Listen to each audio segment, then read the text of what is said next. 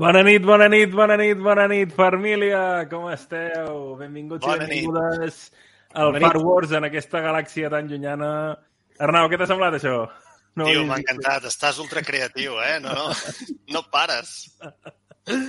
Bé, avui eh, comentarem el tercer capítol de Soca i per fer-ho, com veieu, a part dels nostres il·lustres eh, col·laboradors de sempre, l'Arnau i la Txell i un servidor, doncs tenim en en Marc, l'Ensinestrat i la Graciela. Com esteu? Què tal? Bona nit. Hola. Hola. Uh, bé, començarem... Nosaltres sempre comencem uh, quan ve un convidat nou, i en aquest cas seria la Graciela perquè en Marc ja, ja l'hem tingut en els especials, sempre li comencem preguntant quina és la primera vegada que tu vas tenir contacte amb Star Wars i com va ser aquest primer, eh, aquest primer contacte. Home, doncs jo, com molts de la meva generació, va ser al cine amb les, amb les preqüeles, amb l'episodi 1, amb l'Anakin Petit i tots aquests. I et va Jar Jar enganxar de seguida? Eh, perdona? Et va enganxar de seguida? Sí, sí, la veritat és que sí. Ja vaig començar amb la compra de merchandising. bueno, jo no, la meva mare. Fins i tot vaig agafar el xupa-xups aquell creepy de la llengua d'en Jar Jar Binks. El Oh, vaig tenir sí. i tot. O sigui Sí, que... clar. Sí, sí, que hi havia també els, els, els deixonsis de Fosquitos que et venia un Jar Jar Binks amb la llengua que en- enganxaves coses. Era... Uah, m'encantava a mi també. Uh, com esteu? Us està agradant a Soca o què? Va, començarem, farem la roda de sempre de primeres valoracions uh, i ho faré així per ordre dels que us tinc aquí posats. Txell, què? Ai. Què t'ha semblat el tercer? Fantàstics. No sóc l'acústica, Txell, sóc l'Alba. Ja, perdona, és que em costa, eh? Tinc aquí com una interferència sonora, aquí, a res, a 5 minuts de casa, i m'he de centrar. Eh, doncs res, jo, a mi m'està agradant molt, vull dir, cada vegada ens van posant més, més cosetes que per la gent que ja som uns maníacs d'aquest tema, les aplaudim. Com sempre, no es podrà fer content a tothom, però, ostres, jo crec que ens estan donant xitxilla buena directament i és el que deia al programa anterior, la barreja aquesta de referències a coses, personatges, situacions, llocs que ja coneixem, més tot el que ens estan introduint de, de nou. O sigui que bé, bé, endavant. Jo crec que encara que tot just això acaba de començar. Vull dir, Sí, sí. espero Portem no equivocar-me i, que, i que sigui realment gran. Sí, jo crec que sí. M'està agradant molt, m'està agradant molt a Soca. Grans actrius, ho estan fent de meravella totes. La banda sonora, crec que potser és de les que més bé està lligant amb l'acció. Sí. El Mandaloriano no té música, realment, té només la del final, no? La, Home, la no, sí, sí, sí que en té. En podríem Un, parlar eh? però, ostres, la d'aquesta d'ara està sent molt brutal. I crec que Disney està mimant més els productes de Star Wars que de Marvel, eh? En format sèrie, que espavilin. Espavilin perquè 100%, Star eh? Wars està guanyant la partida, eh? Per mi. Ja està bé, també, eh? Ja Sí, està bé. també està bé, també està bé. Li tocava Star Wars ja. Sí, sí, sí. Tant de Estaria bé que anessin a la part, perquè és com tot, Sí. o sigui, a mi m'agradaria que hi hagués bon nivell de Marvel, bon nivell de Star Wars i bon nivell de, de, de DC, i, Sí. i sembla que, que, que hagi de, de... Va, ara ficarem més recursos aquí, ara els posarem allà. No, feu-me tres coses que estiguin bé, que tampoc costa tant, eh? Vull dir, no sé. Es pot, Arnau. es pot. Bé, la sèrie m'està agradant, m'està agradant molt. L'episodi d'avui és potser dels que m'ha agradat més, dels tres. Sí que és veritat, a mi em passa una cosa, que tinc tantes ganes de veure Thrawn. Bueno, no, tinc ganes de... Em sembla que no ganes ets l'únic! tinc tantes ganes de saber què passarà un cop torni Thrawn, vale? que estic una mica, estem cremant capítols i no se m'està resolent aquest neguit que tinc, saps? Ni se't I- resoldrà. I, clar, clar, espero que sí, espero que sigui ràpid, però sí que és veritat que, com, potser és un viatge meu, eh? és, és culpa meva per tenir aquesta, aquestes presses per veure això, no? però sí que potser se m'està fent una miqueta massa llarga aquest plantejament inicial. Però és igual, eh? és com per dir alguna alguna mica així. En realitat m'està encantant, eh? Que bé. I Graciela, a tu què t'ha semblat? A mi m'està encantant. Sí? M'està encantant. Uh, M'han agradat moltíssim els personatges nous que han introduït. Skoll i Hati, ja pels noms mitològics que tenen, ja m'han guanyat. I a l'espera de Throne també, que, però jo tinc la teoria de que sortirà últim episodi i t'ho deixaran així, i l'escena i una poca més del que ha sortit al tràiler i ja està. Això Com em ho fa saps? Mira, avui, saps? avui us porto teoria que, que té a veure amb Thrawn, eh? Eh, cuidadit Jo tinc una, jo tinc una una teoria gran- amb aquest episodi 3, eh? Ostres, doncs, pues, uh, en, et cediré el lloc encantadíssim. doncs, si us sembla ara que hem fet les... bueno, falto jo. A mi, mira, aquest, aquest tercer episodi uh, a mi m'ha agradat molt, encara que sigui un episodi potser més pausat, que, que serveixi per donar una mica de relax a, a, a d'on veníem. Ostres, té coses molt potents també. És a dir, per mi juga amb dues, amb dues coses aquí. Per una banda, la part més reposada, que introdueix un pilot de coses que són essencials per la trama Rebels per les persones que no han vist la sèrie animada, com per exemple es torna a remarcar, i de fet Ahsoka té un diàleg eh, clavat el de Kanan Jarrus respecte al tema de la força de la Sabine. Eh, el... Es parlen molt de... de uh, surten els Purgils, es parlen molt de, de, de cosetes d'aquestes que, que et, donen, et donen referència a Rebels, però per l'altra tenim una acció amb unes naus que s'acaben de treure de la patilla de, que, que, que són molt semblants a la Segona Guerra Mundial i que són una bestialitat i que tornen a jugar amb aquella essència del, del so, de barrejar sons analògics d'avionetes reals amb, amb, amb digital, diguéssim, i, i amb Ahsoka, que en aquest, aquest cop tenim una, una batalla d'aquestes especials que surt de la nau i podria passar com a l'episodi 7 que tant criticava Bernau, te'n recordes aquella escena dels cavalls, d'això, però en aquí va amb un traje, vull dir que vull dir, està que, uh, ho vaig parlar un comentar segador, això també, i és veritat que, segons l'episodi 7, estan en una zona atmosfèrica i, per tant, no faria falta, tot i que ja sabem com va la història. Però en aquí, en aquí a mi aquesta escena, després ja en parlarem, em funciona, i, ostres, visualment trobo que m'estan regalant una sèrie que té el nivell de qualsevol pel·lícula del cinema, perquè, ostres, els plànols, l'espai, les batalles, i a més, no estan jugant a enfosquir-ho tot en excés, vull dir que les coses es veuen bastant bé, amb bastanta claretat i amb bastanta, uh, amb bastanta eficiència. Llavors, ostres, jo estic contentíssim amb el, amb el que ens estan donant. Ara que dius ara... això... Sí, digues. No, dic, ara que, de, que estaves parlant d'això, precisament aquest episodi m'ha agradat perquè hem vist la Soca en acció. Sí, que sí, jo, sí, sí, que, sí, sí. clar, hem vist Clone Wars i hem vist la Soca fent bestieses i, i bueno, lluitant amb els enemics d'una manera super brutal i, i jo tenia ganes d'això, de veure aquesta Soca. I en aquest episodi n'hem tingut un tastet i això també m'ha agradat a mi. Aquí tenim el, la Batcoa que ens fa el contrapunt del de, fum dels turbolàsers.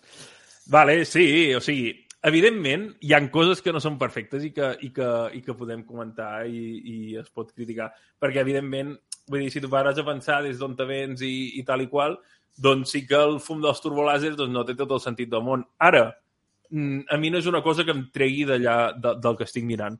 I mentre no tingui aquestes, aquests inputs que em treguin fora, doncs a mi estic totalment a dins. Uh, saludo en en Suguro, que també el tenim per aquí. Bona nit, fans de Star Trek. Uh, també, però avui parlarem de Star Wars. Uh, doncs tiro careta i comencem a parlar del capítol ja escena per escena i anem a fugaç.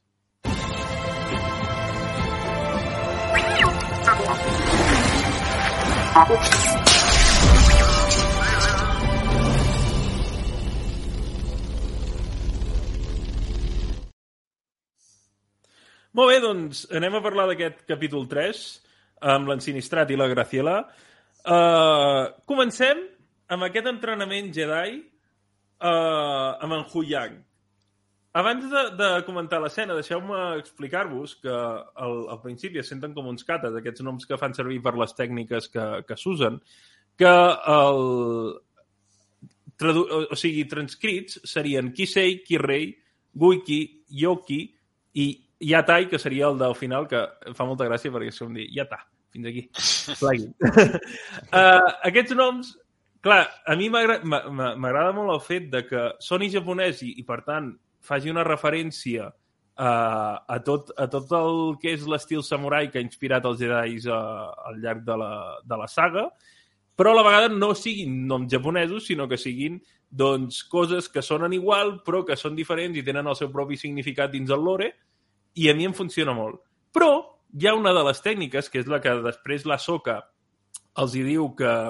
Uh, diu, ara, molt bé, Huyan, que està molt bé això, però anem a provar una nova tècnica, que és el Satoichi. el, el Satoichi aquest sí que té una referència real amb el, amb el cine japonès i és que lo curiós d'això, que per prim... a part de que per primera vegada ens fiquen nom en aquest tipus d'entrenament Jedi de- d'entrenar amb els ulls tapats, anul·lant el sentit de la vista, resulta que Satoichi era un espadatxí uh, sec. I, I clar, és, és una referència molt guapa perquè aquí és això, estan anul·lant el sentit de la vista, li posen aquesta tècnica i, ostres, és una referència bastant xula. Aquests detalls són molt guapos. Aquests detalls estan corredíssims. Hi ha una Com- pel·lícula de Takeshi Kitano, eh, per veure. La Sí. recomano moltíssim, eh? Molt bona. De fet, Satoichi, n'han tio, fet, a un, seques. n'han fet un pilot, em sembla, de, de Satoichi, eh? Sí, sí, sí. Aquest De clàssiques 2023, fins a la de sí, sí. Kitano, sí, sí. Què us ha semblat aquesta escena? Us ha molat tot això del rotllo de l'entrenament Jedi i Molt. amb aquesta... Sí? No sé si Molt. voleu comentar alguna cosa al respecte. A mi és el que m'ha agradat més de, de, de tot el capítol, aquesta escena. M'ha agradat molt. No només com això que es veu aquí, aquesta mena com de tècnica que fa servir en Huyang per veure si has encertat bé els cops o no, que és molt guapo visualment, però també el que li va dient la soca, com li va Sí. parlant... Tot, tot això, quan entrenen i parlen de la força i es, es donen detalls pocs, perquè sempre se'n parla poc, però a mi tot això m'agrada molt. Graciela, anaves a dir alguna cosa, em sembla. Sí, no, m'ha encantat tot, tot això, l'estètica així japonesa que li han posat, referent ja a les antigues pel·lícules, per dir-ho manera, que està, està guapo, no sé, em va encantar. Sí, sí, sí. És que fet- l'entrenament en si ja és molt japonès, eh? Sí, Sí. Si recordem el senyor Popo entrenant en Son Goku, és el mateix. Li tapava els ulls i li deia ara Ah, de que bo. nota'm a mi, saps? I tot això. El cascavell amb el soroll del gat, que anava corrent i l'havia de perseguir i atrapar. Coses d'aquestes. A, a mi m'encanta el, el, el fet aquest de que hagin introduït aquest software d'en de, de, d'en Huyang que està entrenant amb els sables i després veu per als jocs on t'ha tallat i, i fa com una avaluació de dades, saps? Sí. De tants punts.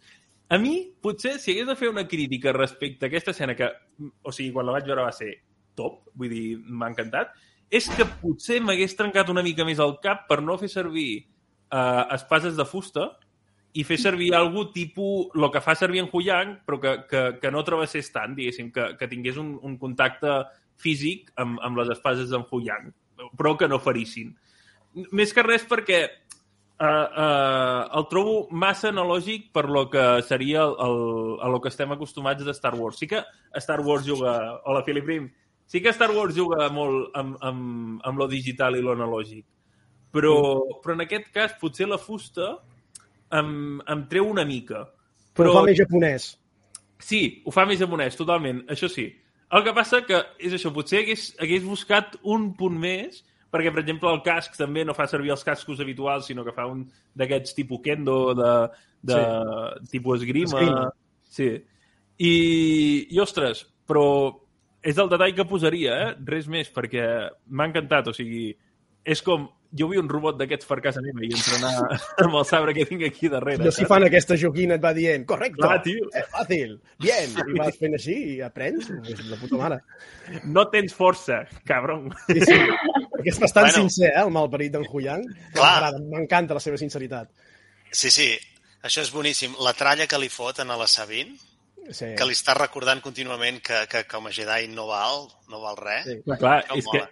És més nazi que, que, que Yoda, eh? I mira que Yoda era nazi, de Yoda... Uh, proveu o no ho provis, però... Fes-ho. Ai, uh, fe, fe, fes-ho o no ho facis, però no ho provis. Sí. I aquí és, uh, ni ho intentis, uh, no val. Saps?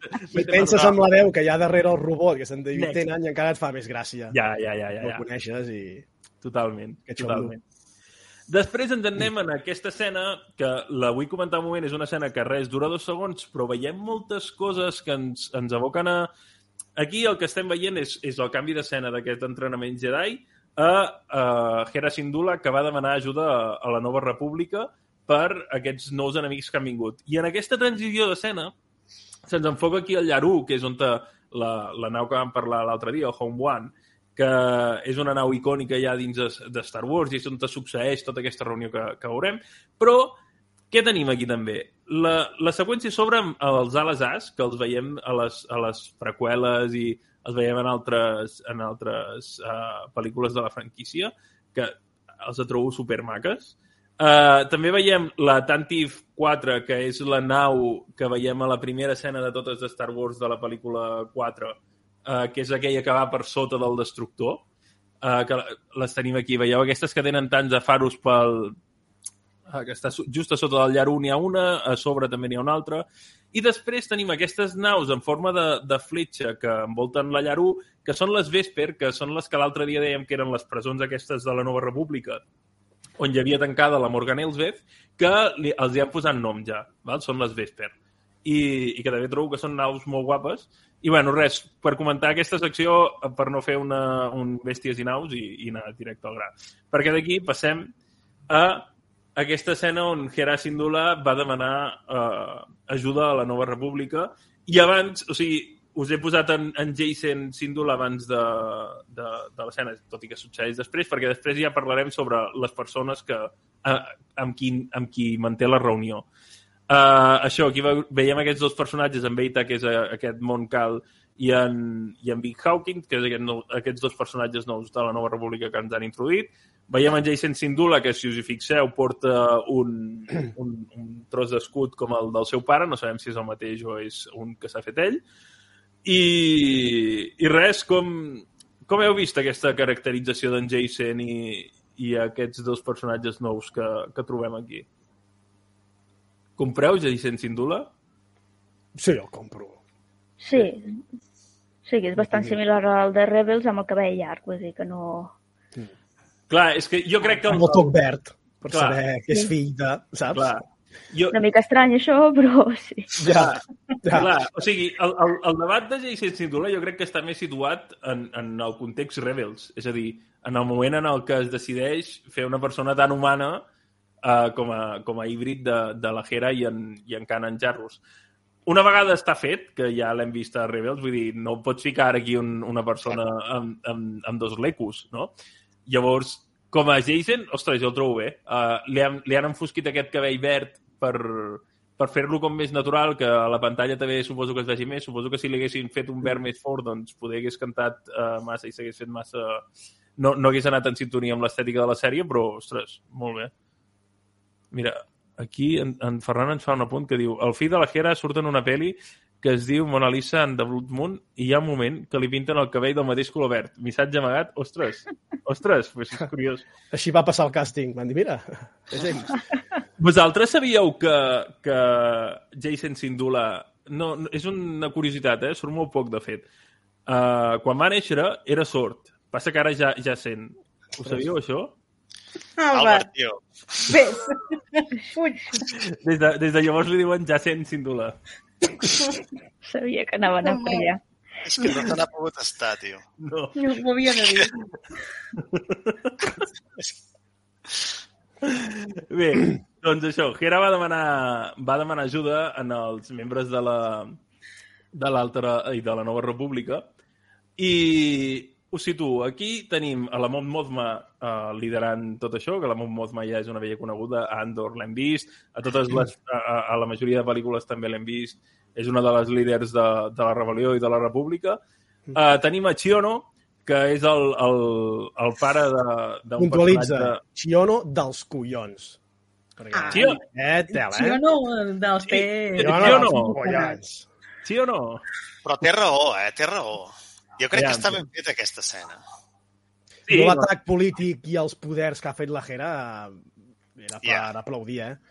sí, Però sí, és veritat que hi té, hi té aquest vincle emocional, no? Amb Sí, Ezra. hi i és, llavors hi és. com, mm, I és. ja ho entenem, no? Que tu tens la dèria d'anar a buscar l'Ezra, però ara tenim altres coses, poder. No En- sé, en- a mi m'ha agradat, eh? En Ciono Ja és un tio... En Ciono Ja és un tio... És un tio d'extrems. O sí És un o no. Saps? No, en sèrio. Què has sopat? No, res. No, no és un A- Aquest és el Ah, problema. és el problema. Vale, doncs tenim en Ciono que, de fet, eh, deixeu-me comentar que és el, això no és cap broma, és el, el pare d'un dels personatges de Resistance, eh, val, que el, te- el teniu aquí posat. No Ah. recordo el nom ara mateix. Ah, però és el seu pare. Després tenim la consellera Rodrigo, que uh, està bé que introdueixin noms també uh, de, de llatinoamericans, diguéssim, o, o d'origen hispà.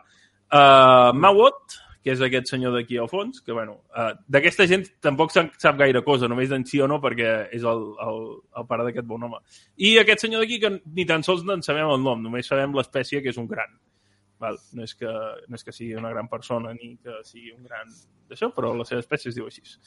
I, i res, en aquí a, a mi m'agrada molt aquesta escena perquè veiem sobretot una altra vegada, per enèsima vegada, la, la ineficàcia i, i, i la sobradesa de la nova república. És a dir, políticament aquest moment és, és, és molt xulo. A mi m'agrada molt. No sé vosaltres com ho heu vist, això.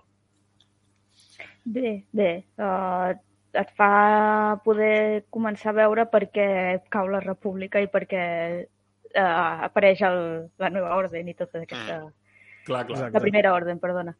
I tota aquesta pesca. Sí, sí, és que és, que és això. O sigui, a l'altre capítol ja veiem aquells... Que, de fet, crec que aquí en parlen, que, que li explica, home, uh, els imperials que, que... Bueno, les persones que vam, que vam detenir a, en el, a, a Corelia ens, ens van dir visca l'imperi o, sí. o per l'imperi. No em sí. sembla a mi que això sigui només un, una dissidència puntual, uh -huh. saps? I, i en, en treuen ferro d'una manera bestial. Bueno, això pensa que la, la, el 90% de, de, de les persones que tenim són representades de, de, la, de l'imperi llavors és molt difícil fer-los canviar d'un dia per l'altre i no sé què. Que sí, però, però dius, preocupa-te'n, saps? Clar, sí, clar, clar, clar. El, el, el, el missatge l'entenem tots, que, que no és fàcil canviar de bàndol d'un dia per l'altre. Ara, eh, tampoc els deixis aquí tingues un superior de confiança o alguna que Exacte. controli una mica sí. els sí, antics treballadors, no sé.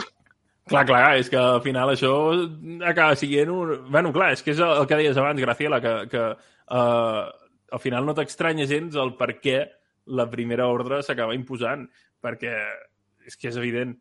I està bé que ho estigui mostrant, perquè trobo que, que que estan, estan tramant molt bé tots aquests, uh, tots aquests forats que ens van quedar des de l'última sí. pel·lícula de Star Wars a, a les seqüeles.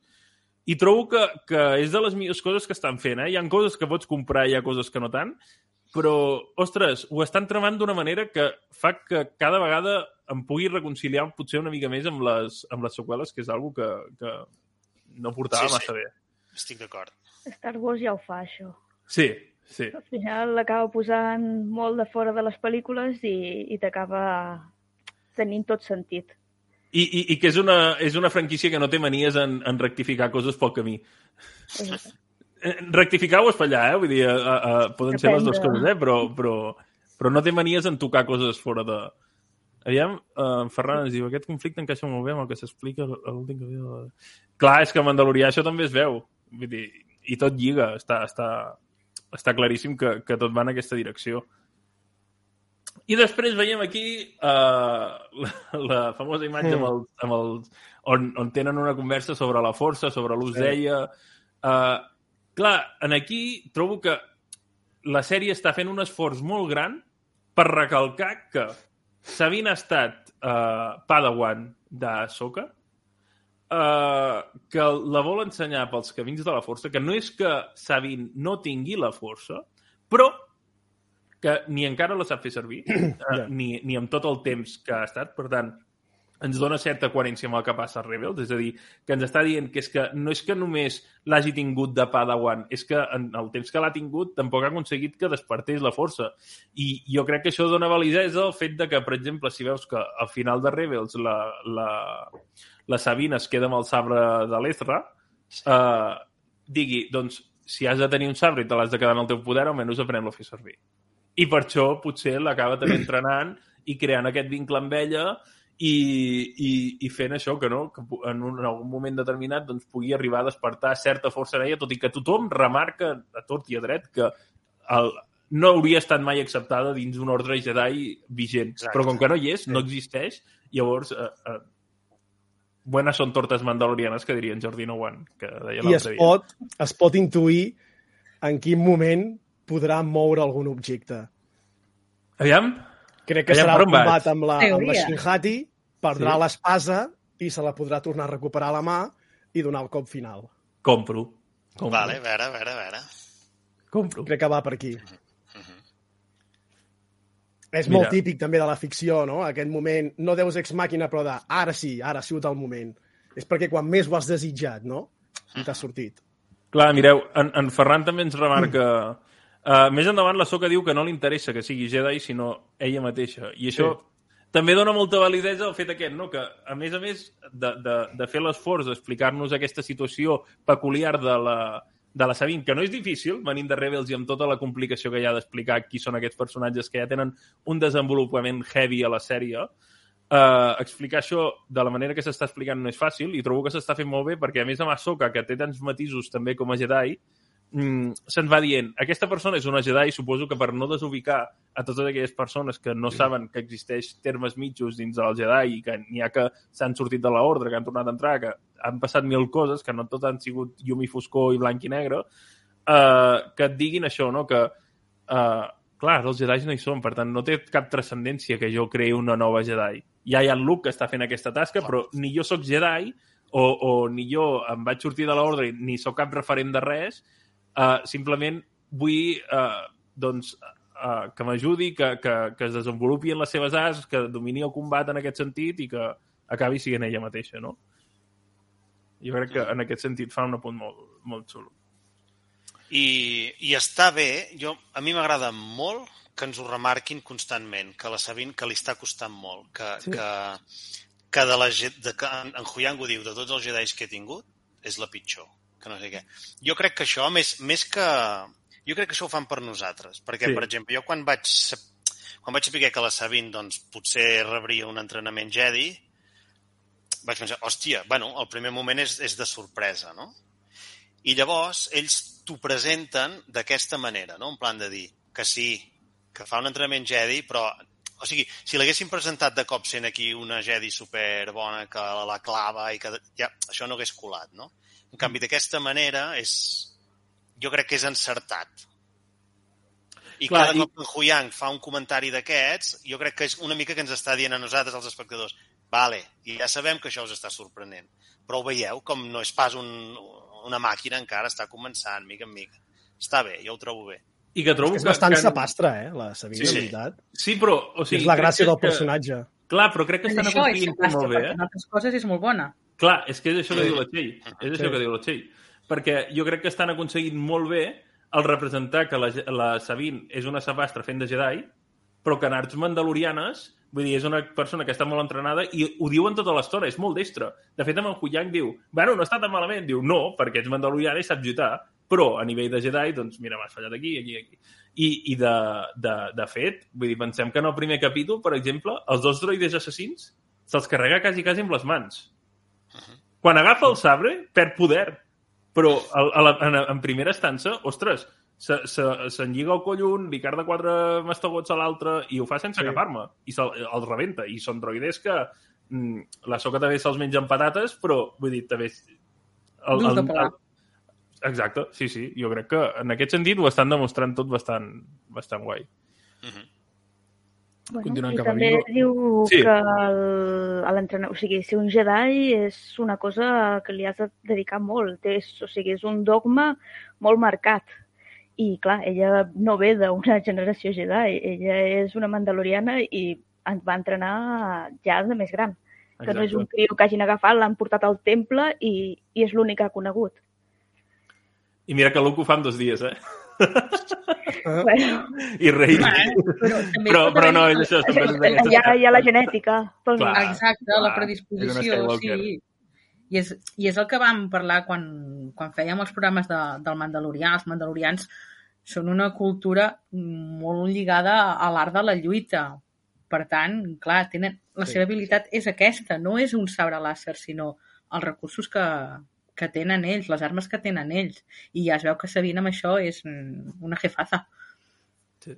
De fet, puntualitza, i aquí ens està també remarcant en Ferran, que el talent és important, però sense entrenament no hi ha resultats. I és... Això ho diu Ahsoka, eh? Sí, sí, sí. sí.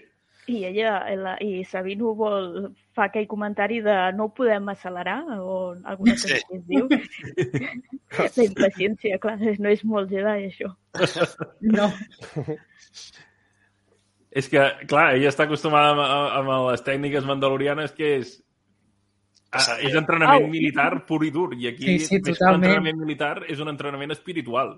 Llavors és, és, és un altre... Per això li està costant tant, perquè Clar, és un caràcter sí. més, més passional, no tan místic, Sí. diguéssim. Clar, de fet, de fet també li remarca eh, que ha d'aprendre a no només fer servir el cos, que el sap fer servir molt bé, sinó a fer servir el cap també. I aquí, Aquí és on... Te...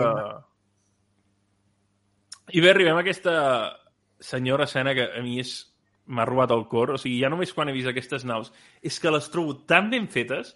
Això de que per, per una, des d'una perspectiva es vegi una nau que ens podria recordar la del general Grievous o, o d'aquest estil, que és una nau totalment Star Wars, però quan l'enfoquen des de l'altra és calcada un avió tipus Segona Guerra Mundial, el que podria ser un, cross, un cursari d'aquests que feien servir els americans o així, amb, amb aquest so que, que, de, que a nivell de disseny sonor doncs, han agafat el, el motor, que això ho van fer a, quan van fer els especials de les preqüeles, diríem, van parlar que, que, que també ho van fer això, d'agafar sorolls d'avions reals i barrejar-los amb, amb sons digitals per crear uh, uh, uh, això, que de fet a, les, a la carrera de vaines de, de l'episodi número 1 de la- de l'amenaça fantasma Sí, sí. també ho fan, agafen fórmules 1, perquè són Sí. Fórmula 1, amb, amb sons de, més digitals, diguéssim, i que emulen més el, el soroll espacial, i, i foten una barreja que és per mi és acollonant i veure a la Sabine des, de, des dels mandos de la nau rebentant a tot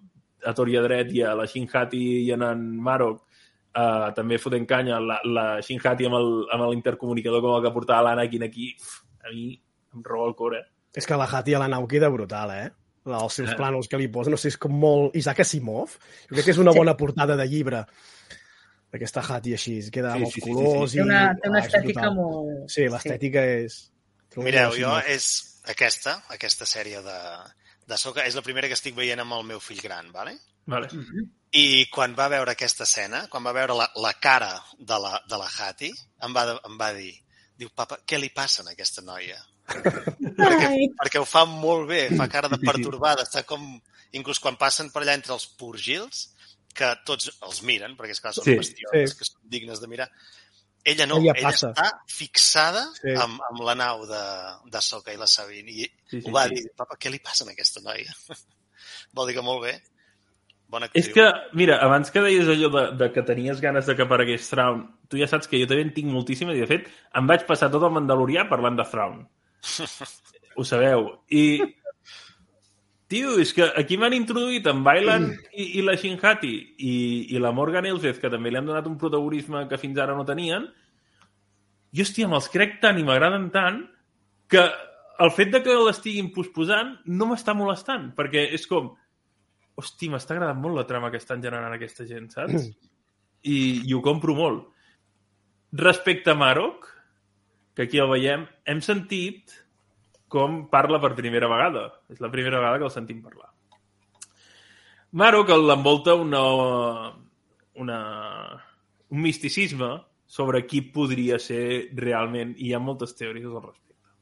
Us les, explico, us les explico ràpid, perquè és una cosa que vull portar com a secció, però ja se n'ha parlat tant que, que ho he desestimat i, per tant, eh, us faig ara un mini resum i em dieu cap a on penseu que pot anar el personatge, vale? Uh, Marok és un... La, la setmana passada en parlàvem que a nivell de llegendes artúriques el nom de Marok fa, fa referència a Sir Marok, que era un cavaller de, de l'ordre de, de Luther Pendragon, que va servir a Luther i després va servir al rei Artur, que eh, a causa de la màgia de Morgana el va convertir en un llop, ¿vale? en un home llop.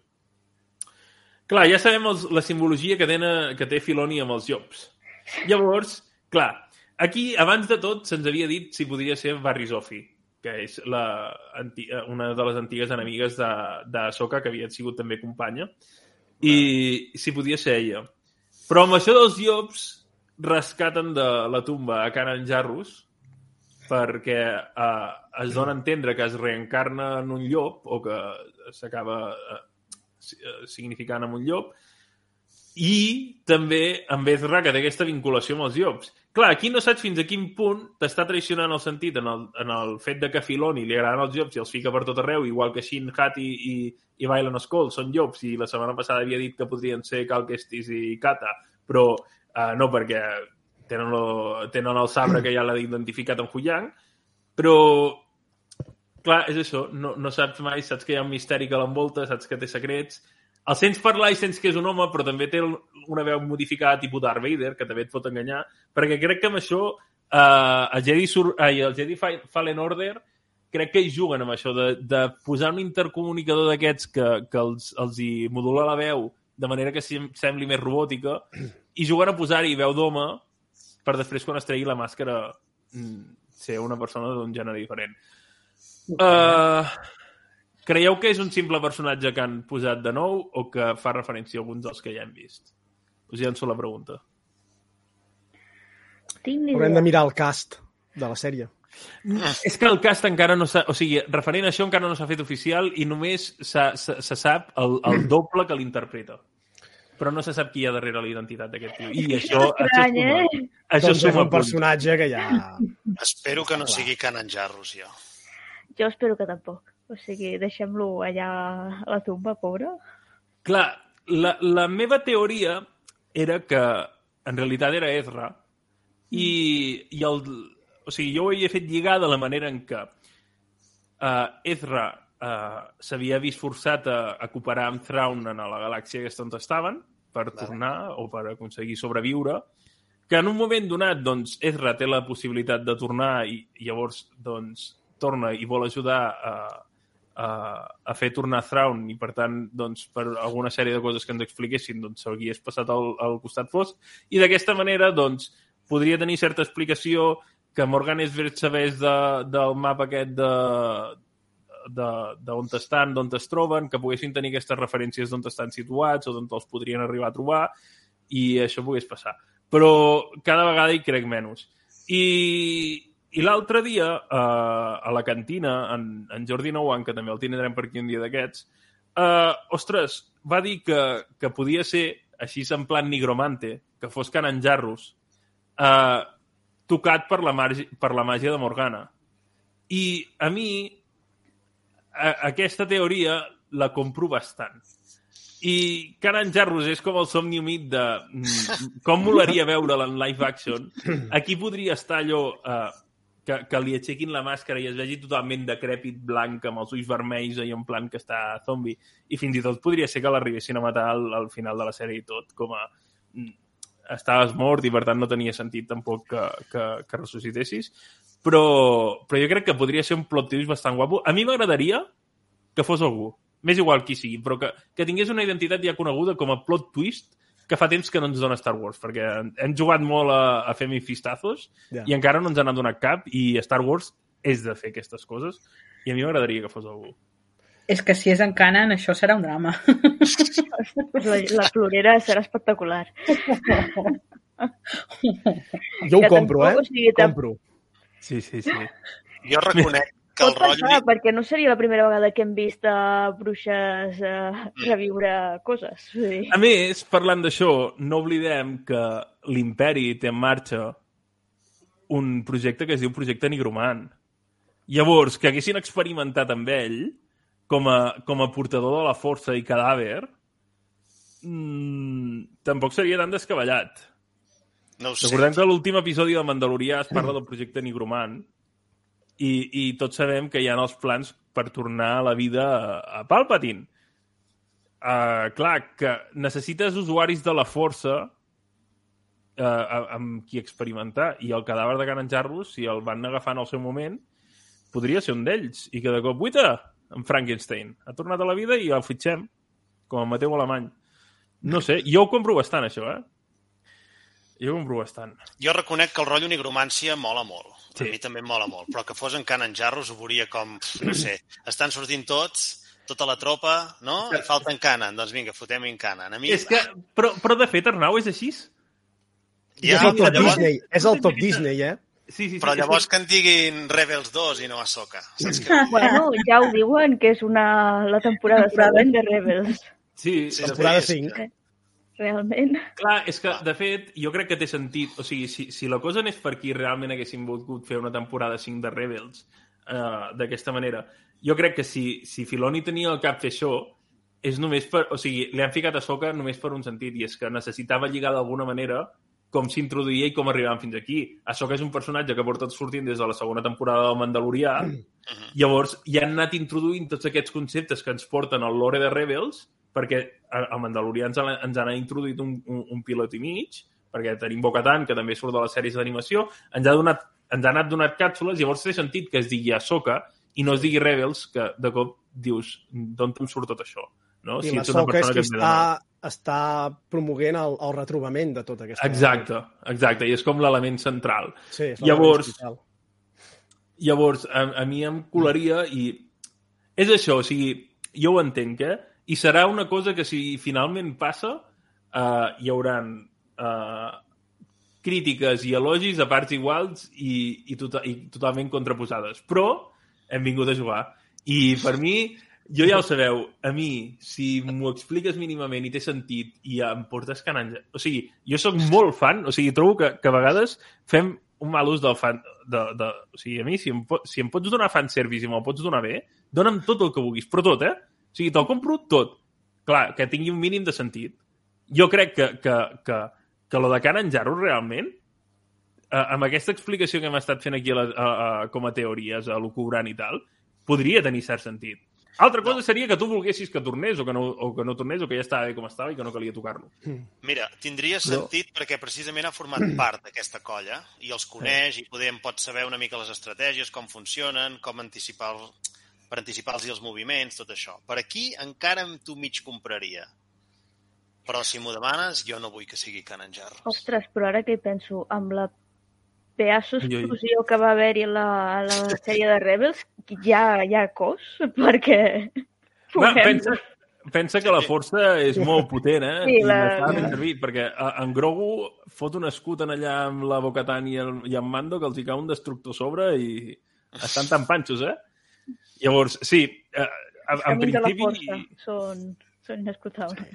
Exacte, sí, sí, sí. I la si no hi ha... es menja un sable làser i el segon episodi està perfecte. Ostres, sí, i el pobre Això li fas amb un altre personatge, mateix està mort. I... Sí, sí, sí. Ah, a veure. La, la llei de Star Wars és que si no hi ha cadàver... Mm, és... No, no, a veure, a veure. el cadàver desapareix, no sé què és. Sí, sí, sí, sí, sí. Veurem, veurem. Jo estic molt emocionat en aquest sentit.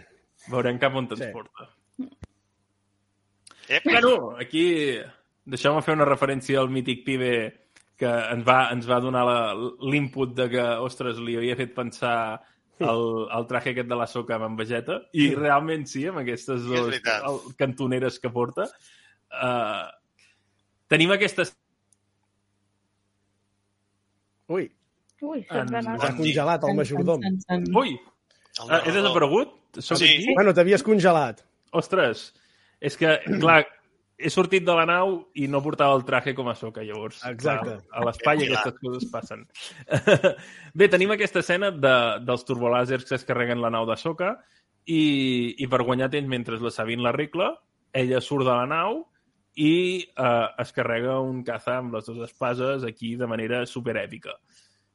Uh, no? compreu això o què? Ho compreu això o què? A mi Sí, Què l'escena... anaves a dir? Què anaves a dir, No, que... Sí, no, la que, mo, que, molt, que molt torera queda. A mi m'ha agradat, però és molt flipada, eh, l'escena. Sí, sí. És molt flipada, però la compreu o no la compreu? És la força, Yes. vull dir que jo ja eh, Clar. lo hice un mago, serveix per qualsevol cosa. Jo és que és una tonteria, però és, és aquella escena que et recorda que, que potser molta gent que no veu Star Wars i que està veient la sèrie o està veient les sèries només, no? Perquè mira, té Disney Plus i li dona per, per mirar-ho. Ara és conscient de que els personatges de Star Wars es mouen per l'espai, però no poden anar tranquil·lament per l'espai. O sigui, que han d'anar entre planetes i endins de naus. O sigui, crec que hi ha molta gent que no, que no ho sap, això. Que creuen que realment pots anar per l'espai tan tranquil·lament i respires i no passa res. I això eh, m'agrada, és una escena que et diu, eh, que, que a Star Wars això no es pot fer. Són com nosaltres. Sigui, Clar, a mi m'agrada perquè, és a dir, per exemple, escenes del mateix calibre o que ens recordin això, hem tingut a Leia sortint per l'espai, que sí que es semicongela, però per la força aconsegueix arribar a port. Sí. Hem tingut l'escena dels cavalls a la, a la The Rise of Skywalker, on fan aquella batalla sobre el destructor galàctic. Sí. I llavors tindríem aquesta. Uh, Clar, és una cosa que es fa amb un precedent a darrere, és a dir, que està, uh, està recolzada per, per coses que ja han passat, per tant, ens pot no semblar raro que això hagi tornat a passar, perquè si ha passat abans, doncs es pot tornar a agafar com a element, però crec que hi afegeixen en, amb consciència de saber que l'escena es, pot, uh, uh, es pot passar de flipada Sí. i, i posen cert, uh, certs matisos com aquest de posar-li el traje espacial, uh, fer-la uh, amb una gravetat que no sigui, que no sigui mm, Ja. normal, diguéssim, que, que, que fa els tironets i flota i tal. I crec que hi han ficat certa cura com perquè diguis ens hem flipat, però ho hem fet amb certa, amb, amb certa mesura i hem ficat certs límits. És que l'escena t'ho diu, Sí, perquè sí, fa sí. una tombarella i després d'aquesta tombarella ja no sap tornar a la nau. Necessita l'ajuda de la Sabine. Per tant, està dient que m'he passat de flipada, eh? Sí, sí, sí, sí. O Jo sigui, sí, sí. conscients. Una mica més no m'ho explico. Sí, una mica més i no ho explica. Sí, sí, una mica més i se'n va. Jo que vull puntualitzar que l'escena dels pseudocavalls, aquells que surten Sí. en el destructor, mm, jo crec que, és, que, que estan dintre del planeta encara, vull dir, no estan Sí, a l'espai, és, és, no? sí, sí, per això estan hi ha en, gravetat i per això poden estar allà... estan en atmosfera, sí, totalment, sí, sí, sí. Perquè a ve- a vegades no s'entén. Vull dir, Eh. sembla que estiguin per allà flotant i dius, home... Exacte. Eh, és que aquí està el tema, o sigui, realment... Aquí no hi ha dius, gravetat. O sigui, està, està...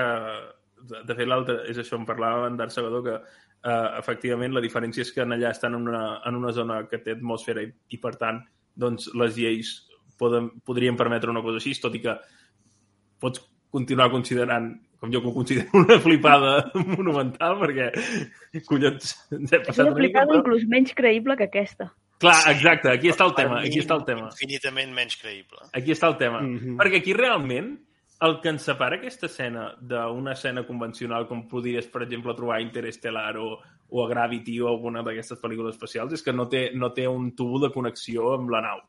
I això avui ho fa perquè aquí estan més avançats realment. I això ho puc arribar a entendre. Ells Ah. s'estan s'estan deixant anar perles molt maques al xat. Sí, sí, sí, que estic A llegint. veure, a veure... Tampoc compro la rapidesa amb la que es posa el traje. Si algú em pot explicar com... en tentacles... Té raó, eh? Clar, clar, clar. La força, Sí, sí, sí, sí, sí, sí. gràcies a la força.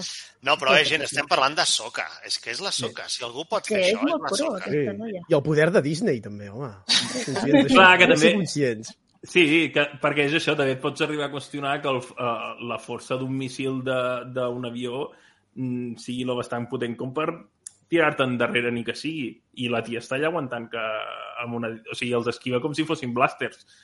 Però és això, no és la primera vegada que ho haiem fet, tampoc. I llavors, com que a mi tot això em funciona i et regala un plànol que visualment és una meravella... Uh, Jo crec, jo crec que tocava que la Soca es flipés. Jo Sí. crec que tocava per guió, perquè no l'havíem vist encara així. Sí que havíem vist Clar. lluites, però és que la Soca quan s'hi fica és la canya, i aquí ho hem vist. I jo ho he agraït personalment, perquè he vist la Soca de Clone Wars. Saps què vull dir? Sí, sí, sí, sí, sí. És que són, són escenes que fa pensar, uau, aquesta dona què deu haver viscut per Ja. arribar a aquest nivell? Amb, vull dir, perquè, clar, Clar, sabem que és un personatge que ha sigut bastant llova solitària, no?, fins que no ha agafat la decisió, però Totalment. ens han donat a entendre que ha fet, ha fet molt pel seu compte. I, clar, també fa pensar una mica això de dir, hosti, què deu haver fet aquesta dona per arribar a aquest nivell? sí. Hem de recordar que Soka ha sigut entrenada per Anakin. O sigui, Clar, és que... Nada menys. Que... El Marc Clar, també ja. té algunes flipades. Clar, és que també recorda a, a, aquestes, aquestes tàctiques i aquestes maniobres de, de, de sombada, de dir, no, no, tu tira pel dret. Digues, deixa estar, mm, tu tira. I la soca tira. I fa un Anakin en tota regla i, i s'aflipa. I és això, jo crec que en aquestes sèries també hi ha moments d'aquests que dius és que he d'anar a molar i a flipar-me i, i jo crec que aquí està ben flipada, ben flipada. I per flipar, Oh, aquest moment, oh. jo no me l'esperava per res del món. Uh, em va venir... O sigui, tot i que ja havíem tingut indicis de Purgils, sabies que en aquesta sèrie podien aparèixer, que ho facin d'aquesta manera, amb un gest èpic de Kevin Kinner a la banda sonora que, que juga... És que... No sabeu la, la de vegades que m'he mirat aquesta escena? Uh, després del capítol. És que l'he- reproduïda 50.000 vegades. A mi m'ha encantat. pues analitza-la bé perquè se li dona molt èmfasi, eh? Sí, sí, sí, sí. sí, a sí, l'aparició. sí. sí, molt. Clar, al final són, són vitals per explicar per què Traun i Ezra estan a És la clau. És que és així. Clar, Sí, perquè- És que tinc teoria, eh? A veure. Marc, Ui, endavant, sisplau. Jo crec que l'Ezra eh, pot sonar... És que és molt sense ficció, realment. L'Ezra està dins d'un d'ells, de les balenes aquestes, i està viatjant. Oh. És un pinotxo. el Pinotxo. És un Pinotxo. Ha passat en altres obres, eh, de, de, de ficció. Per no comprar la Bíblia. Està moguent, per això tampoc ningú el troba. I crec que els crèdits, tot el recorregut és el que van fent les balenes aquestes. Ah. Les rutes de... Clar. Les rutes, Uh -huh. tot el seguiment. És que se li dona molt èmfasi després quan parlen amb en Huyang també. Diu, ah, heu vist les d'això? I diu, sí. Després l'escena que s'aturen per dir, que maques eren, no? Les has vist? I somriuen. Uh, massa èmfasi. Ja uh, s'amaga alguna cosa aquí. Sí, però també fan èmfasi perquè recorden a Ezra. Vull dir, Sí. al final és, és, són unes balenes que... I m'ha que fet pensar que està a dins d'una, no d'aquestes, però en algun dels, dels purgir que podrien haver-hi allà ben amagadet i protegit. bueno, és fricada, eh? Però... Un moment. Espectacular. Uh, El nivell. parlen balleno i ballen ballenato, sí senyor. Bé, bé. Uh, clar, o sigui, jo no ho acabo de veure perquè, uh, és a dir, aquest èmfasi que se li dona pot ser, uh, per una banda, perquè són les que fan que Ezra i Thrawn se'n vagin por ahí, són les que Ezra uh, fa aparèixer per primera vegada en el cànon perquè té una connexió amb la força bestiar i llavors fa que, que apareguin i se les troben i passen a ser un element important. Uh, el públic mainstream, diguéssim, no coneix uh, l'existència d'aquests furgils, per tant també se li ha de donar certa rellevància per dir aquestes criatures que heu vist no són a l'uso, són importants. No són unes ballenes que hem posat aquí perquè per flipar-nos una altra vegada i, i, i que no tinguin context. Són importants. I eh, per una teoria que tinc després, no em quadra que l'Ezra estigui dintre, tot i que em molaria bastant si al final, o sigui, si s'acompleix en, en Sinestrat, uh, Ja, ja. pensaré molt en tu, eh? Pensaré molt en tu i, i no, no, em des, no em traurà de, de zona perquè ho hauràs dit. Llavors, digues, Txell. Una coseta que potser no és a dins, sinó que les fa servir com de vehicle. Aviam, això ho ha fet més d'una vegada, però, Per això. però, però, però també et diré una cosa, eh? Si ho, fa, si, si ho fas servir com a vehicle, així a l'uso, i te n'has anat a l'altra galàxia i deixes els teus col·legues pensant que estan mort aquí buscant-te capa i espasa durant tants anys i de cop Però apareixes no ho així sap, sola no una- ha Perquè tindrà Oh, algun pla. oi. Tindrà algun pla. O A veure, la wifi no arriba, Àlvar. Tio, ja, tio, però... Que No sé, cabrón. És que veieu com hem de saber què passa allà. clar, clar. És que porto teoria respecte a això, eh? I teoria grossa, eh? Tantes teories és que no sabria I- dir-te de quina... És que he tremat molta cosa ja, després us... us, us Tinc una pregunta, jo. M'estic teoritzant a sobre. Digues, Arrau. Els Purgils ja els havíem vist, vale. però Sí. oi, oi que això que parlen de les rutes migratòries, això és el primer cop que es diu, no? Sí, sí que es, es, es fan, eh, hi fan referència com a éssers capaços de viatjar per, per l'hiperespai i que Sí. són molt destres en aquest sentit. El que passa que en aquí també estan jugant molt a introduir-nos aquest, aquest concepte de les rutes hiperespacials que en aquí t'ho venen com que ja és una cosa que s'ha estudiat a, a nivell de Jedis que en tenien estudis i tal i qual.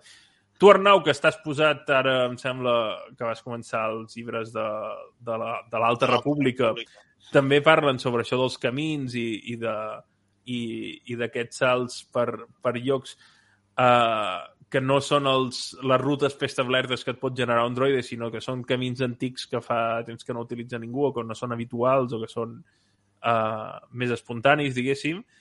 I vehicular per, per aquí em sembla una, una meravella. A mi també. A mi això sí que m'ha agradat. I, bueno, I crec que és prou important, perquè és el primer cop que potser se'ns dona una mica d'explicació de, de, de trobar aquest camí, no? De, de, Sí. de, aquest camí, què coi és aquest camí realment? Sí, sí, sí. Eh. Aviam, veurem. Veurem. No crec que, no crec que triguem gas, massa a, a, a viatjar a l'altra galàxia, que, que en tinc moltes ganes. Uh, en aquí se'ns explica això, que de moment encara no es pot posar en marxa aquest turboreactor perquè, o aquest anell uh, per viatjar més ràpid que... O sigui, fixeu-vos que realment uh, a Star Wars no, no es fa servir el concepte de viatjar a la velocitat de la llum, sinó que és uh, passar a l'hiperespai, fer un salt a l'hiperespai. Llavors, aquí en termes de velocitat no fan servir les, les normes de la física terrestres, sinó que és això, o sigui, o sigui, simplement diu, per explicar això i per entendre què és viatjar més ràpid que l'hiperespai, doncs dir que és una cosa molt potent i que, per tant, pot viatjar a unes velocitats totalment sonades que pot permetre viatjar a galàxies doncs, que estiguin re relativament properes o que, o que siguin colindants, no? Uh, falta un reactor que l'estan posant Llavors jo entenc que això que ens està dient és que al pròxim capítol encara no hi arribarem perquè estarem intentant, Exacte. intentant posar aquest últim reactor, si ens haurem d'esperar. Clar, el capítol que ve seria el 4, que seria la meitat, doncs la segona meitat ja, seria, ja poder passaria a l'altra galàxia i la setmana que ve poder seria un tancament de la primera part de, de Soca més, de, que va ser a la, a la galàxia de, de sempre i que potser l'altra part passant allà. No ho sé. Jo crec que el següent hauríem de començar a saber alguna ja de Bailan i Hati. Sí. Perquè els veig com que tenen, eh, en veritat, eh, cadascú sembla que tingui un pla a part, Molt bé. Jo estic una intenció a part, Sí. Sí. uns interessos propis, cadascú. I no Mira, encaixen amb el que vol fer la Morgan. Molt bé, molt bé. Ben vist. Eh, Sí, sí. estic d'acord. Sí. Ni, entre, ni entre ells dos, eh, tampoc, perquè Eh, hi ha no. un, una No del tot. Semblen pare i filla una mica el to, el tracte que tenen, però no acaba d'haver allò confiança total. Això estaria bé. Sí. Mireu, per cert, dada curiosa, no és la primera vegada que sortim Purgils en live action, o la tercera del Mandalorià surten en silueta, però surten. Sí, surten, crec que és en el primer episodi, quan van viatjant a, a l'hiperespai amb Grogu, uh, que surten les sombres de, dels Purgils. També tenim en Carlos Acedo per aquí, bona nit. Bona nit, Bona nit. Carlos. A mi em recorda la nau Ulisses 31. Clàssic, clàssic de l'animació.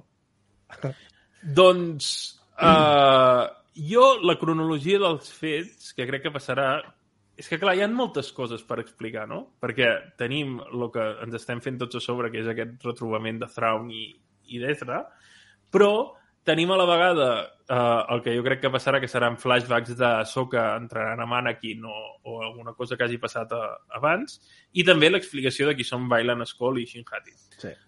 El proper capítol, en el que Bailan Skoll i Shin Hati intentaran atrapar la Soka, jo crec que ens, ens podria fer forces flash, és a dir, que es podrien passar a la meitat del capítol poder explicar-nos coses sobre d'ells. Mm. Podria ser que s'acabés el capítol aconseguim viatjar a, a la- a l'altra galàxia i, per tant, és això, faci com un petit tancament, i l'altre s'inici, com per no iniciar-se ja en plena acció, uh, fent flashbacks també de, de l'època de Sogatano, Mm. fent de d'aprenent de, de, Luke- ai, de- d'Anakin Skywalker. Mm, jo crec que la cosa podria anar per aquí i després, és això, ens quedarien uh, tres capítols de resolució que podrien ser trepidants. Recordem que crec que és l'episodi número 5, el dirigeix Filoni. Ojo, eh? Perquè Per tant, ha de passar alguna cosa que marca un abans i poden després. poden passar coses. Poden passar coses, poden haver-hi cameos bojos, poden sortir personatges que no havies comptat. Uh, Salut! has dit Canan Jarro? Sí. A mi en Bailan em preocupa perquè el- l'actor és mort. I el que volia, no sé, clar, no sé si era un personatge per una temporada, Clar. si tenia continuïtat, uh, és el que més em preocupa. És que jo crec que no, eh? Jo crec que, que era un personatge pensat per vehicular-lo sí. bastant. Depèn, hem de veure què és el que vol fer. Sí, sí, sí, Crec que té això un pla a part. Eh, veurem com resolen el tema. Sí. Uh, la veritat és que són dos personatges molt impu- imponents i, i que és una pena que, que ho hagi deixat perquè és que pf, a mi és un personatge que em flipa. O sigui, jo voldria coses i coses i coses perquè és un tio molt corpulent, uh, que a més a més té una presència que no és només corpulent, sinó que el veus versat i que mm, és un tio que sap molt bé on te navega, perquè és un mercenari, però té certa nostàlgia cap als Jedi, però té molts clars els seus objectius.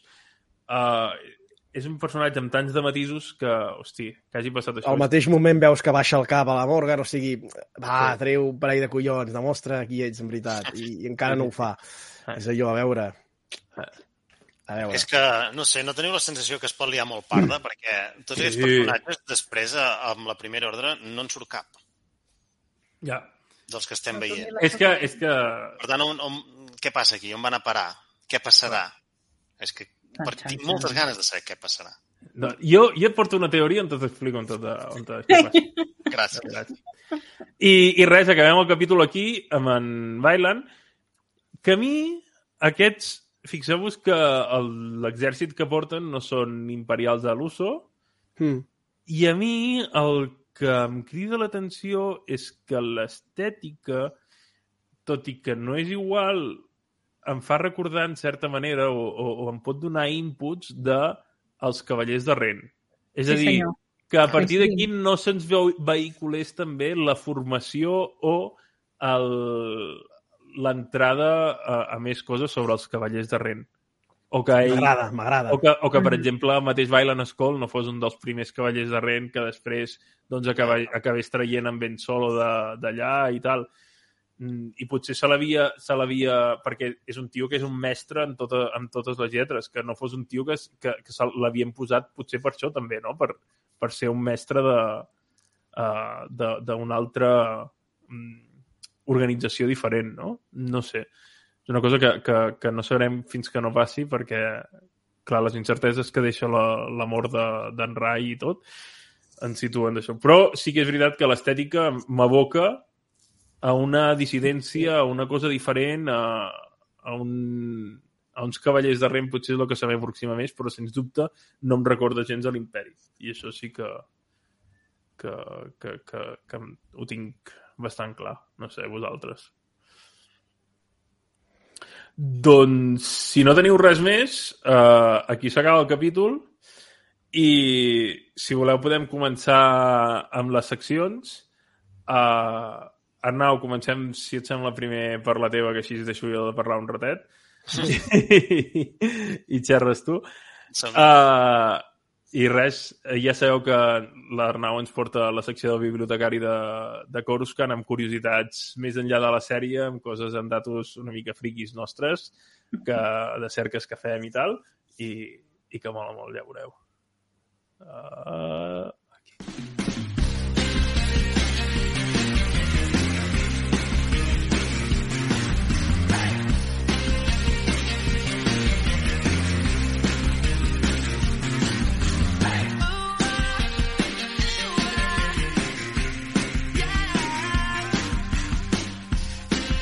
El bibliotecari de Coruscant, amb Arnau Domènech.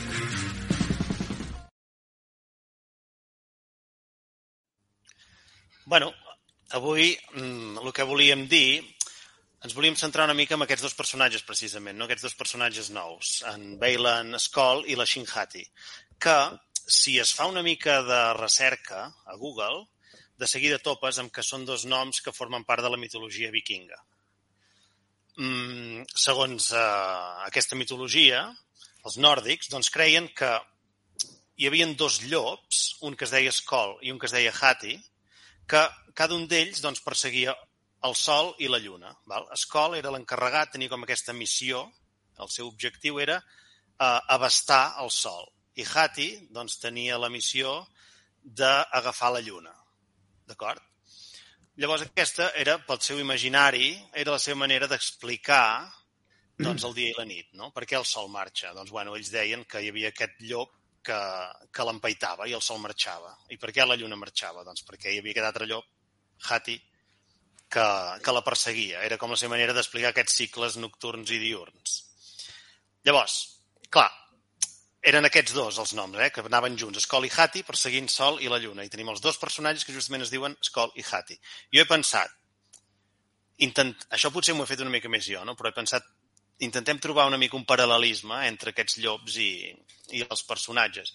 I sí que és veritat que Skoll i Hati, els llops, doncs busquen, o sí, bueno, el seu objectiu és trobar l'estrella, no? trobar aquestes coses que estan penjades al firmament, que és potser una mica també el que els hi hem vist fent els dos personatges, no? Sí, encaixa. Uh, podria encaixar, crec Sí. que podria, sí. O, o atrapar el sol i la lluna, que podrien ser Ahsoka i Sabine, que són com la nit i el dia, i Vale. Ahsoka representaria més la llum i el d'això, i Hati el... el... Bueno, doncs mira, és una lectura més, és més bonica. Sí, sí, Com sí, a sí. curiositat, eh, el símbol de la família de Throne és la família Myth, el símbol és un sol. Boníssim. Hosti, pues, Brutalíssim, ja, ja, anem Aquest- fent, ja anem lligant. Ja, sí. Home, sí, sí. molt bé. Però és que, a més, una altra cosa important és que uh, la, la profecia o, o la llegenda diu que quan Skoll i Hati aconsegueixen atrapar aquests astres, uh, es produeix l'apocalipsi Correcte. i peta tot. Llavors, uh, El Ragnarok, que diuen ells. Deien. aquí pot petar tot. Que a més aquests dos, aquests dos llops, també com a curiositat, són fills, fills de Fenrir, que és el fill de, de Loki. És a dir, que aquí estem lligant a Star Wars, Marvel, eh? Va, aquí per tot arreu. No, no, El uh, combo perfecte. sens dubte, o sigui, el que podem afirmar de totes totes és que uh, a Filoni li agraden els llops i que, ostres, és que sembla que més enllà dels llops hi hagi molta simbologia darrere de tot, de, de, de tot això. És a dir, que Sí, no sí, sigui sí, sí. ficat a l'ús. Simplement m'agraden els llops i ja està. Ostres, a mi m'agrada molt eh, pensar que poden És haver... que mires la forma aquesta de la bola ja sembla el mapa i tot, eh? És que ja, sí, ja sí, estic sí, veient sí, el mapa. Sí, sí, sí, sí, sí, sí. Clar, i, I... i, Fa gràcia. i això... I el, el cabell de, de la Hattie també, que és així blanc, que és, És veritat. color com, Seria com el vinya, no? com- Podríem dir una mica. ros- Suposo que el de la lluna és un llop al vi. Sí, sí, sí, sí, sí. I la cara, la cara més pàl·lida Sí. i més... Mhm. No sé. Sí, sí, sí. Veurem. guionistes llestos. Això m'agrada, això m'agrada. Aquestes picades d'ullet són, són, són molt maques. Si que realment... no van al Google a buscar noms nòrdics, sé què. No, no, ja hi busquen també història i tal, i que encaixi. Està curradíssim, eh? Sí, sí, sí. És que No, sabia no. que els dos tenien alguna cosa, un transfons, que no eren simples súbdits de Morgan i ja està. Clar, nota és que cosa. I es nota molt. és que això... I, i bueno, també, ho desitjo.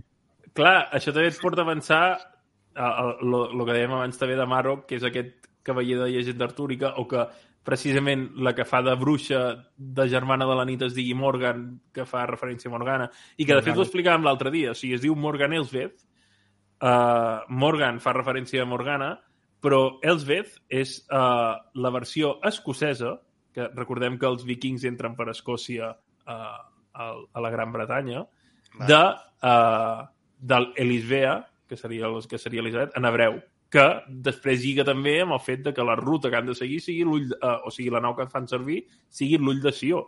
Vull dir que tens aquí una de coses tramades a nivell de nomenclatura i de nomenclàtor que... mm, Déu-n'hi-do. Vull dir, jo crec que aquí s'han pensat moltes coses i i compraràs més, compraràs menys, però, però s'hi ha, posat, ha posat cor, eh? S'hi ha posat cor. Sí, sí. I si l'Esra no està dins un púrgil, o està en Thrawn, o està en Thrawn. Un dels dos. N'estic completament segur.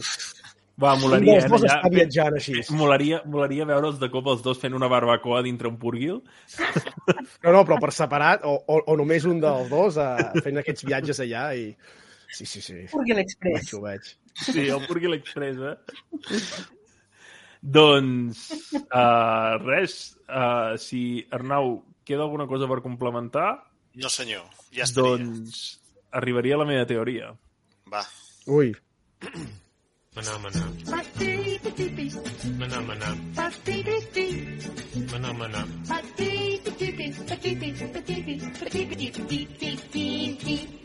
Mana mana. Mana mana. Mana mana.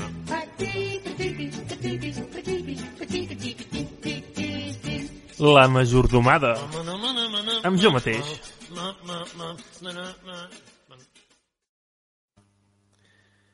Il·lustra'ns. Uh, us vinc a explicar aquest dubte que havia sorgit de per què Ahsoka i companyia no intervenen a les seqüeles. Va. Val? És un fet, és una evidència eh, totalment constatable que ni Ahsoka ni els que estem coneixent participen, almenys de, des de la vessant que nosaltres haguem vist, de uh, la lluita contra la Primera Ordre, tot i que veiem en aquí que Hera Syndulla, per exemple, està molt posada en evitar que això acabi passant. Llavors, les hipòtesis reals que se'ns obren, una és potser la més eh, factible i l'altra és cap on tiraré jo. És una mena de clau dicotòmica, no? On són els aspectes de les seqüeles? O, o muñecos, o s'han quedat per, per presidenciams, Clar. val? Bona nit, Cargol, adeu, que seria potser el més probable, que a, a l'última que- pel·lícula de Filomi patés tot i tothom un- fes un, un Rock One i tots a, a tomar pel culo directament, o l'altra opció és la que se'ns acaba d'obrir, que és que hi ha una nova galàxia. Val? I que estiguin allà perquè en aquesta nova galàxia hi ha una amenaça molt més poderosa o, o, o amb certa importància de la que està succeint a la, a la galàxia que nosaltres coneixem. I això els hi farà saber l'Esra després de sortir de dins d'un purgi. Clar. Uh, hi ha uns personatges uh, que són cànons a Legends, però a més a més també estan canonitzats dins la franquícia amb un nom diferent que serien els Grits. Els Yusang Bong són uns personatges que l'Adrià ens en va parlar la, en el capítol anterior, que eren uh, molt poderosos i que una de la pe- peculiaritat era que no eren sensibles a la força i que, per tant, els Jedi doncs, no podrien fer servir contra ells aquesta habilitat enfreuada. Uh, en el, can, en el canon, o sigui, una de les teories que hi ha és que aquests Yusambong poguessin estar a la nova, a la nova galàxia aquesta que hem descobert i que, per tant, es presentaria una nova amenaça molt i molt i molt potent. D'acord? Però resulta que els homòlegs del Yusambong en el canon serien el, els gris. I on te surten els gris? A les novel·les de Thrawn. D'acord? De fet, tenim que Thrawn diu sobre ells que són una espècie que viu en algun lloc de les regions desconegudes, unes criatures que són meitat mite, que poc s'han vist ni tan sols. S'explica que són nòmades sense llar fixa, una cosa que ens, ens evoca bastant també a la tradició Nil, eh, que viatgen en grups de naus tan nombroses que esborren les estrelles. S'explica que són guerrers aterridors i que aclaparen els seus oponents per la seva quantitat i ferocitat. Això li diu Thrawn a Vader en les novel·les de l'ascendència.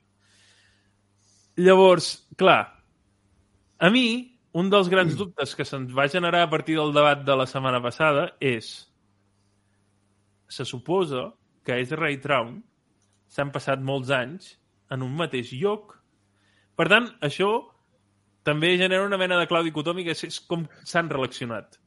Han lluitat l'un contra l'altre, s'han hagut d'aliar, han hagut de, de fer tàndem perquè realment hi ha una amenaça major, i el meu, la meva hipòtesi és que sí. I no només això, sinó que en, en, el, en el que se'ns ensenya en el tràiler de Thrawn, que el veiem posat amb, amb el- la vestimenta ga- de l'imperi, és un flashback realment, perquè realment aquella escena que veiem en el tràiler de Thrawn Mm. recorda molt els plànols de Rebels sortint de les sombres. Llavors, a mi no m'estranyaria gens que fos un flashback. I que en aquí els veiéssim a tots dos, doncs, amb unes robes diferents, amb una actitud diferent i amb una manera d'encarar les coses diferents, perquè, de fet, ni Ahsoka ni companyia hi són a la primera ordre, però tampoc hi és Traun. Llavors, en aquí se'ns obre un meló d'una nova amenaça que, a més a més, seria molt potent i ens podria lligar perfectament amb el fet de que hi ha d'haver-hi una nova pel·lícula sobre la rei que situa anys posteriors.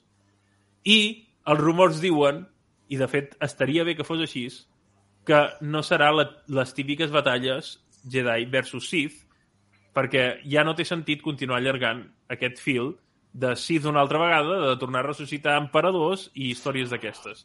Llavors, tindria molt de sentit que eh, Ahsoka es quedessin lluitant contra els Yuuzhan Monks, eh, o els Grisk, en aquest sentit, eh, a la nova galàxia, i que quan ha passat tot això a la, a la nostra de eh, la nova ordre i s'ha vençut i tota la pesca, resulta que després arriba aquesta nova amenaça des d'una altra galàxia. Mm. Llavors tindria sentit introduir aquests nous personatges, que a més a més no ens vindrien de nou perquè se'ns hauria introduït ja, explicaria per què Ahsoka i companyia eh, no hi són i on te podrien haver estat. Els hi dona certa continuïtat als personatges perquè al final un Togruta no sabem quina esperança de vida té o si podria realment seguir viva en aquell moment i per tant el pots reaprofitar o, o no, vull dir, això ja és cosa teva, vull dir, després pots explicar, al final hauran passat molts anys i pots explicar doncs, que va morir eh, lluitant contra ells o el que sigui. Però el que està clar és que els podem veure lluitant no contra la primera ordre, sinó contra una cosa diferent. I res, uh, tot quadra. Aquesta seria la meva teoria de uh, per què no veiem Ahsoka i companyia uh, a les seqüeles, perquè estan allà i, i, i de cop se'ns introduirà aquesta nova trama que ens, que ens portarà a un altre lloc. Mira que era fàcil dir que anaven a una altra galàxia i ja està, eh? però sempre em fas explotar el cap quan vinc aquí. No, no, aquesta teoria, a més, ja l'he sentit jo en el Cheese Twitter, que és el, tot el Twitter així de fan de Throne, quan va acabar la última temporada. un moment, un moment, un moment. un moment. Hi ha un, tweet, un Twitter específic de, de fans de Throne? Eh, bueno, hi ha un grup de, que, que ens seguim mútuament i sí, sí, eh, sí que és espectacular. Sí. és un món, és un món. Vull anar a aquesta nova galàxia. Uh, pots continuar. I es parlava d'això, que ja que les novel·les també Tron se'l coneix per fitxar a, a gent capaç per emportar-se l'ascendència per lluitar contra els Grisk, aquesta amenaça que, bueno, que no és una amenaça directa ni immediata, però ja està. I es deia que això, que mentre estaven aquests Ezra i Thron allí perduts amb les balenes, que estaven, pues, l'estava reclutant per l'ascendència. És una de les teories així que va abans de que se sabés de soca i de tot. O sigui, com un... Clar, és que, a més fan, això, vaja. el, el, els Grisk, per, per Thrawn i l'ascendència i el Xis, són una amenaça. Llavors, uh, els que... Jo me'n recordo, o sigui, jo no conec tant de la mitologia de Thrawn, tu segurament, Graciela, sí, però les vegades que n'he parlat amb en Ramon, sempre m'ha explicat, i a veure si m'ho pots constatar, perquè uh, crec que en domines moltíssim més, que Thrawn en realitat és un tio que està a l'imperi no per les seves pròpies ànsies de poder i de, i de genci, sinó perquè té un objectiu molt més gran que és el, el de la seva pròpia espècie, el xis, i de, i de preservar tot això. Llavors, clar, nosaltres estem acostumats i segurament estem esperant un, un Thrawn dolent, malvat i, i ultraestratega que ens posarà les coses super difícils i pot ser que ens comencem a trobar una redempció de Thrawn i un Thrawn diferent que hagi d'acabar cooperant amb els espectres per fer front a una nova amenaça, cosa que molaria molt. Molaria molt. A les novel·les és així. A més, a les novel·les ja t'ho diuen al principi que a ell el troben és que clar, és que aviam, com ho dic jo sense que em faci spoilers dels llibres ni spoilers de res. Spoiler! Ah! Ah, a veure. Bueno, que al seu principi, al principi la seva missió d'així no era infiltrar-se directament a dintre de l'imperi ni pujar rangs. Era simplement si podien ser uns aliats o no per lluitar això contra... o si eren una amenaça o possi possibles aliats per lluitar contra els Grisk. Després ja, bueno, ja es lia la cosa i acaba sent gran almirant, però això estàs de llegir les novel·les per, Són tres, oi? Oi que és una trilogia? Pot ser? Uh, són dos trilogies. Tens la trilogia de Thron quan el troba l'imperi, entra dintre de l'exèrcit de l'imperi, i, bueno, el- allò i puja de rangs, i tens la trilogia de l'ascendència, que és just el que passa abans. Que és la, quan, pues, quan ell fa el, a la vida militar a l'ascendència, que és a la seva zona d'origen, i, i Que, t'expliquen una mica i t'expliquen també en aquesta última com, com és que no està amb el de l'ascendència i està, i està en l'imperi. que si no m'equivoco, Graciela, uh, una, en principi, està situada dins del canon i l'altra dins del Legends, tot i que ja sabem que el Legends és, és tocable, però diria que, que pot ser que una estigui... No, en principi totes són del cànon. Vale, I a vale. més, es- eh, s'han ha fet tal manera que ha lligat les novel·les que va fer del, de Legends Sí? que poden quadrar amb la història de les novel·les canon. O sigui, ell, quan ho va escriure, va escriure de tal manera que, siguem dintre del canon, eh, no... Com ho diria? Eh, o sigui, puguis llegir les novel·les que no són Vale. Legends i que podrien servir, fins que Disney digui no o, o sí. Però bueno, ell ha seguit el canon i ha seguit també el seu propi canon. És que se'ns obre una dimensió aquí. Clar. Ar Arnau, jo crec que després d'això les teves ganes de Thrawn han augmentat, però jo crec que t'hem donat fins i tot una mica de... de, de... És, no, no, estaria Mira. Molt ben jugat, eh?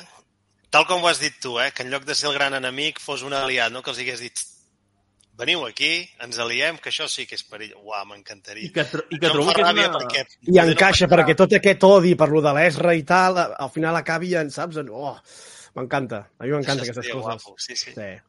És més, una de les teories que teníem a Twitter és que eh, realment eh, Thrawn volia fitxar a Hera com a com a possible aliada per, i emportar-se cap a les- cap a l'ascendència xis.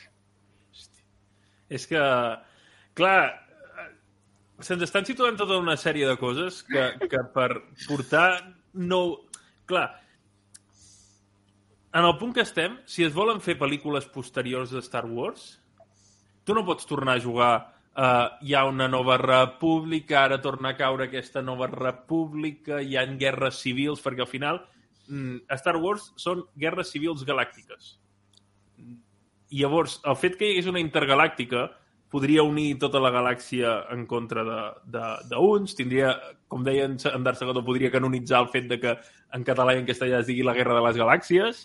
Uh, però, però, a més a més, podria sortir d'aquesta dicotomia de uh, granjero Jedi, uh, descobreix que té força, uh, Sí.